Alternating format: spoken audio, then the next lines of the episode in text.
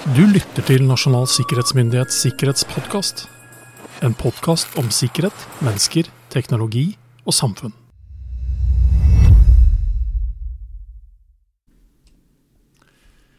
Hei og velkommen til Nasjonal sikkerhetsmyndighets eminente sikkerhetspodkast. Mitt navn er Roar Thon, og jeg sitter her som vanlig i vårt hemmelige lille podkaststudio sammen med fast kollega Jørgen Dyrhaug. Hei, Jørgen. Hei, Roar.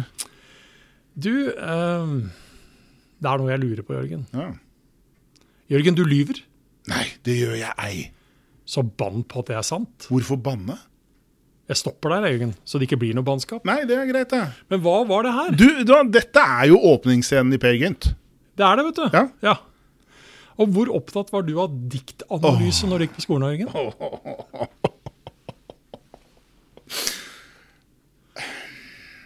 Ja, hva skal man si? Det Ja, Det- du har var vel kan- sagt det meste akkurat. jeg uten har, jeg, jeg. Ja, det var vel kanskje noe av det man liksom fryktet. Ja.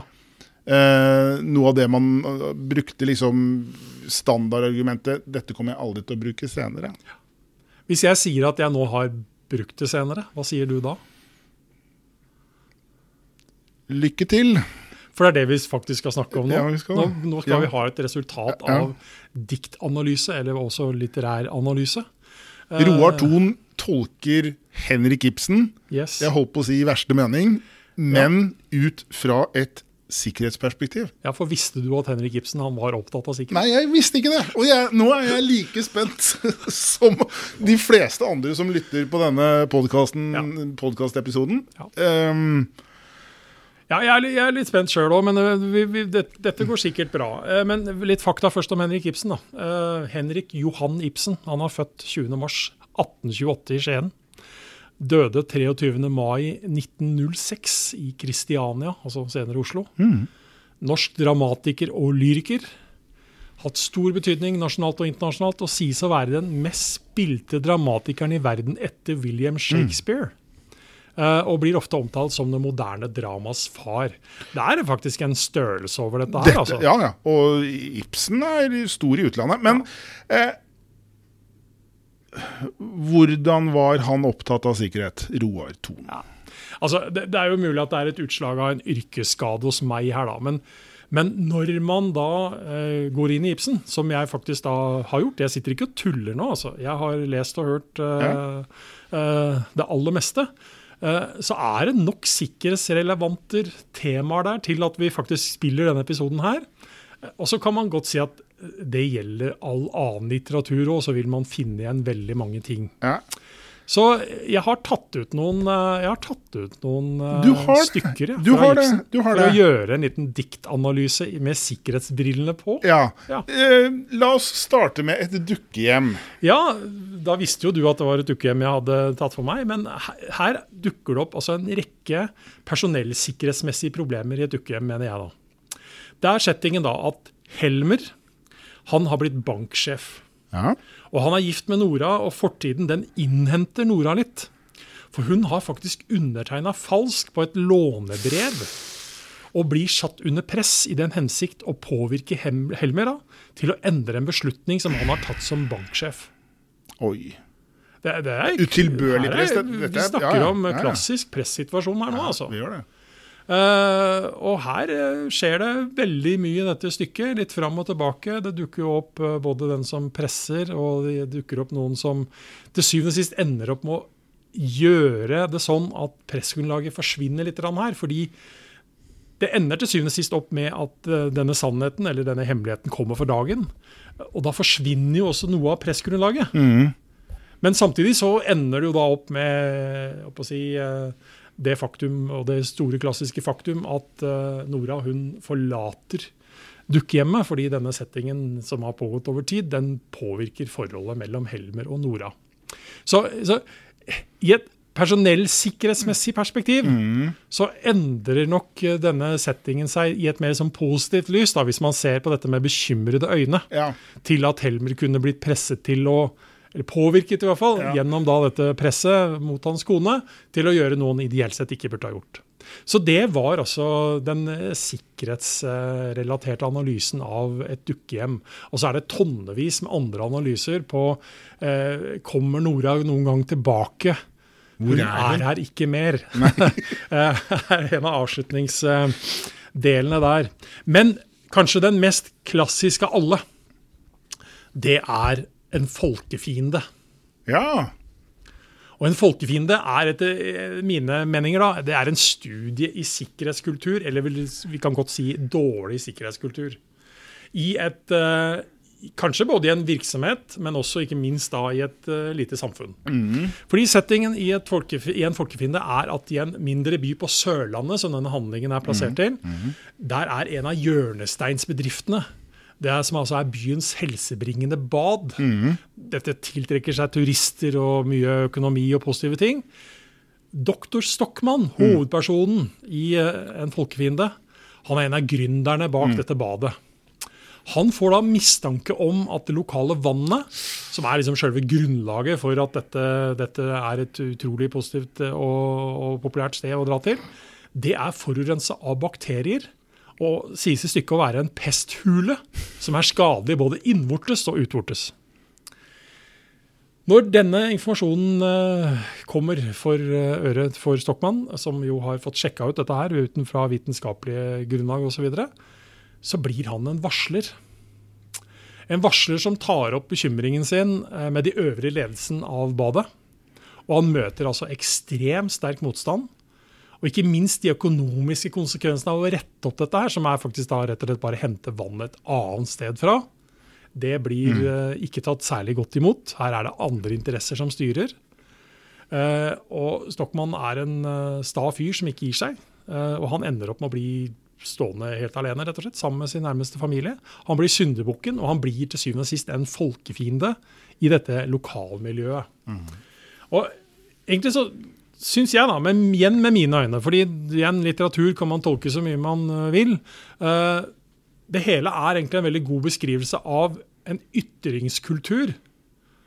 Og hvordan man møter problemer som eh, Altså hvordan virksomheter møter problemer. Eh, og det, både på kort og lang sikt så er det en beskrivelse av virksomhetskulturen. da. Evnen og viljen til å håndtere problemet. Man vil ikke høre om Nei, dette problemet. man Man vil bare ignorere det. Ja. Eh, Og hold nå kjeften din. eh, Sett deg på plassen din og ikke lag noe mer støy. Og så holder vi helt kjeft, og så håper vi bare går bra.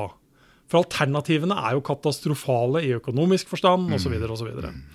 Uh, I tillegg så er, eh, er liksom, Folkekvinner blir en litt sånn derre tidlig ute med å ta, med, ta for seg diskusjonen rundt fake news, egentlig. da. Fordi det man også gjør, er at man stiller jo egentlig kritiske spørsmål om man helt enkelt kan stole på de vitenskapelige undersøkelsene som han da har fått gjort ved Universitetet i Oslo. Han har jo sendt fram vannprøver. Og selv det blir det stilt tvil med. Er nå de da å stole på, da? Så, så, så her er det litt sånn Skal man liksom stole på ekspertene, eller skal man bare tenke selv? Ikke sant? Ja. Og den er vel eh, Den er vel Den er vel ikke Den har ikke gått av moten. den har absolutt ikke gått Den av moten. kan det se ut. Så, så sånn sett så er nok egentlig Dette stykket her er kanskje det som er mest framsynt, hvis man ser det i den, den forstand. da. Ja. Og så når man snakker om Henrik Ibsen, så kommer man ikke unna én person. Per? Per. Vi var jo allerede inne på Mm. Oppstarten. ja. Og jeg veit, Jørgen, at selv om ikke du har drevet diktanalyse, så har du vært på Gålå Jeg har, fått ja, jeg har sett Per Gynt i flere varianter. Ja. Ja. Og da er egentlig spørsmålet mitt eh, til deg, Jørgen. Hadde du gitt sikkerhetsklarering til Per Gynt? Oi, oi, oi. Um, kanskje? OK? Ja. Yes. Du er ikke Jeg er ikke Jeg, jeg ikke jeg Fremmed? Nei. Eh, han, er en han er en luring, Ja. men uh, hans sikkerhetsmessige skikkethet Ja, det er jo jeg, jeg, jeg ville gitt ham en sjanse, jeg. Ja, jeg, jeg er litt mer sånn at ja, der er ikke jeg, altså. Uh, fordi hvis man virkelig ser på hele hendelsesforløpet i Per Gynt, uh, og så kan man jo helt tatt spørre seg hva er sant og hva er ikke sant her nå. Nei. Eh, Per Gynt som persons grunnprinsipp er å gå utenom. Gå utenom, sa Bøygen. Ja, det er sant. Han stikker av fra alt som er av problemer han møter på sin vei, Ja. og er en drømmer Han lever i sin egen sånn totale fantasiverden. Mhm. Og han vil alltid tenke på seg sjøl. Han setter alltid seg sjøl først. Det er ikke nødvendigvis Det- de aller beste Nei, egenskapene ut ifra hvis vi Nei, ser er på er klarering og Ja. Hmm. personellsikkerhet osv. Og så hvis vi virkelig da legger til liksom sånn problematiske ting, Ja. så har han utenlandsopphold. Han har det. Han har og han har også økonomiske interesser i land vi ikke har sikkerhetsmessig samarbeid med, for han har vært i Marokko. Det hadde jeg glemt. Ja. Han havner på galehuset i Kairo, hvor han blir krona til keiser. Ja, Det hadde jeg sett med letthet på. det. Ja, ok, ja, greit. En keiser her Og en keiser der. Og så blir han også til syvende og sist drapsmann, ja, når han skyver ja. en annen person vekk fra en kantra livbåt så vedkommende drukner. Ja, det er jo Den hadde du glemt. Den hadde jeg glemt. Ja. Den hadde jeg glemt. Så, så Per får jo han, han blir jo ikke forsøkt sikkerhetsklarert. det hadde blitt en lang samtale. Det hadde blitt det. Og han blir jo ikke forsøkt sikkerhetsklarert, men han blir allikevel vurdert litt i slutten av stykket. Fordi han møter jo da knappestøperen, Mm. som rett og slett vil støpe om Per, for han er rett og slett ikke noe å samle på. Uh, og Per han prøver fortvilt å argumentere for det motsatte, og uh, prøver å få noen til å rett og slett være vitne, referanser om han vil. Og han trekker fram da, og de som skal være referansen hans, er Dovregubben og selveste djevelen. Ja. Jeg er liksom ikke helt sikker på om de også er de rette til å Nei, gå med god for Per som sådan. og Vi vil liksom vitne på at han er helstøpt og god. da. Men han klarer jo ikke dette her. Eh, han, ja, rett og slett Valget hans av referanse framstår som noe dårlig. da. lite gjennomtenkt. Lite gjennomtenkt. Så uten at vi nå her og nå skal eh, sånn totalt sett eh, konkludere med sikkerhetsklareringen til Per, eh, så, så må vi jo sies at eh, ideelt sett så søker vi nok etter Andre. Pers rake motsetning, rett og slett, ja, når vi ønsker vi mennesker som er ansvarsbevisste, voksne, som når noe galt skjer, som kommer garantert til å skje, tar et skritt fram og sier at her er jeg, Ja. eh, dette skjedde, hva kan vi gjøre med dette, sånn at vi får fiksa på det. Ja, ja. Så etter min analyse av Per Gynt nå i et sikkerhetsperspektiv, Det blir et nei fra deg. Ja, det blir et nei fra meg nå. Det gjør det, altså? Ja, det blir et nei okay. fra meg nå. Ja. Ja. Men uh, vi kan fortsatt anbefale folk å se Per Gynt. ja, Fantastisk. eh, Både fantastisk eh, skuespill. historie, skuespill, drama som sådan. Mye kjent musikk. Absolutt. Mm. Den var det ikke Henrik Ibsen som har skrevet. Mm. Nei, det er det for så vidt ikke. Hvem har skrevet den? Grieg. Grieg, ja. Vi har, vi har kulturen vår på plass. ja, ja, det vil jeg si. Jeg vil si at vi imponerer nå, Roar. Den siste eh, jeg vil trekke fram, eh, det er stykket Brand. Mm. Og Brand er presten som stiller de aller største krav til seg selv og sine omgivelser. Noe som går dramatisk utover både altså hans nærmeste familie, som mor, kone og barn. Og for Brandt så finnes det kun én vei. Brandts vei. Den tas uten tanke på hvordan det påvirker omgivelsene eller konsekvensene. Og igjen, Han er, bom, han er bombastisk. han er ekstremt bombastisk. Der Eh, er det ikke mye slingringsmonn. det er ikke det. Og sånn sett da, så, så skal vi gjøre analysen av Brant ganske kort. Eh, I et sikkerhetsmessig perspektiv, det er ikke særlig smart. Man bør ha betydelig større fleksibilitet i sikkerhetsarbeidet. Mm. Det fins ikke bare håper å si, Henrik Ibsen han skrev faktisk Brant i Roma. Og Ja. som jeg hevder, da, altså kjernen i stykket er vel egentlig forståelsen at det er i hvert fall i et sikkerhetsmessig perspektiv, det er viktig å forstå at det fins flere veier til Rom. Det er altså Det mange måter å gjøre Det dette er på, det. det, og ikke bare the one and only road, uh, som egentlig Brant er d- står til tale for. Eh, så man må nok være litt mer løs i ledda og være litt mer fleksibel på Mm. at det kommer til å skje ting som man er nødt til å ta hensyn til. og ja, Og det er mange måter å Mange håndtere måter å en hendelse på. på. Ja. Og, og hvis noen da tenker hva, hva, hva, foregår her? Nå sitter man og diskuterer Henrik Ibsen og sikkerhet osv. Og, så og kanskje fra tidligere i dag, når man da ble utsatt for, eh, for um, diktanalyse, eh, ser på Henrik Ibsen som altfor lite actionprega, så kan jeg anbefale stykket 'Hærmennene på Helgeland'. Mm.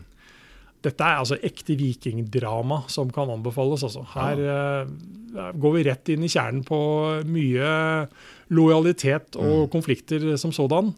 Uh, men til syvende og sist uh, så skal vi avrunde vår litterære gjennomgang nå av Henrik Ibsen med et Ibsen-sitat fra Per Gynt, eh, som i sin tid er omskrevet av uh, en sikkerhetskollega av oss, uh, Jorid Bodin, så en shout-out til Jorid. som for noen år tilbake, og jeg har brukt den i flere sammenhenger selv, har omskrevet dette sitatet i to versjoner. For originalen er ja, tenke det, ønske det, ville det med, men gjøre det, nei, det skjønner jeg ikke. Og sikkerhetsversjonen av dette her, anno 2022, det er ja, utrede det, beslutte det, bevilge det med, men gjøre det, nei, det gjenstår å se. Ikke sant. Der har du det. Da er det bare å lese, løpe bort i bokhylla, se om du finner noen Henrik Ibsen-stykker. Jeg skal gjøre det. Ja. Samlede verker. Samlede verker. Sikkerhetsedition. Ja, Secu- security edition. Se- Security edition. Hva skjer med Um, takk, Roar. er du helt taus? Jeg, jeg har mye å gjøre, kjenner jeg. Jeg har mye jeg skal lese. Overveldet? Fins dette på Kindle? Eh, det gjør det nok. Ja, så bra. Eh, Roar, hjertelig takk for et litterært innslag. Dette var annerledes enn hva vi har eh, gjort tidligere. Um, oppfordrer alle der ute til å hva skal jeg si, ha et sikkerhetsmessig sideblikk på virkeligheten. Vi har nå introdusert um, Ibsen for dere. Sikkerhetskonsulent Ibsen. Sikkerhetskonsulent Ibsen. Det er flere å ta av. Uh, vi er tilbake. Eh, kanskje ikke med diktanalyse på en liten stund, men eh, noe annet sikkerhetsrelevant vil jeg nesten vedde på. Ja. At, eh, Og så må vi bare beklage, vi fikk jo ikke invitert Henrik Ibsen som gjest. nei, han, nei, han har jo vært uh, fraværende en stund. ja. Eh, vi har ringt, men det er ingen som svarer. Eh, tusen hjertelig takk, Roar. Og så ønsker vi alle der ute en god, sikkerhetsmessig og litteraturfylt hverdag. På gjensyn.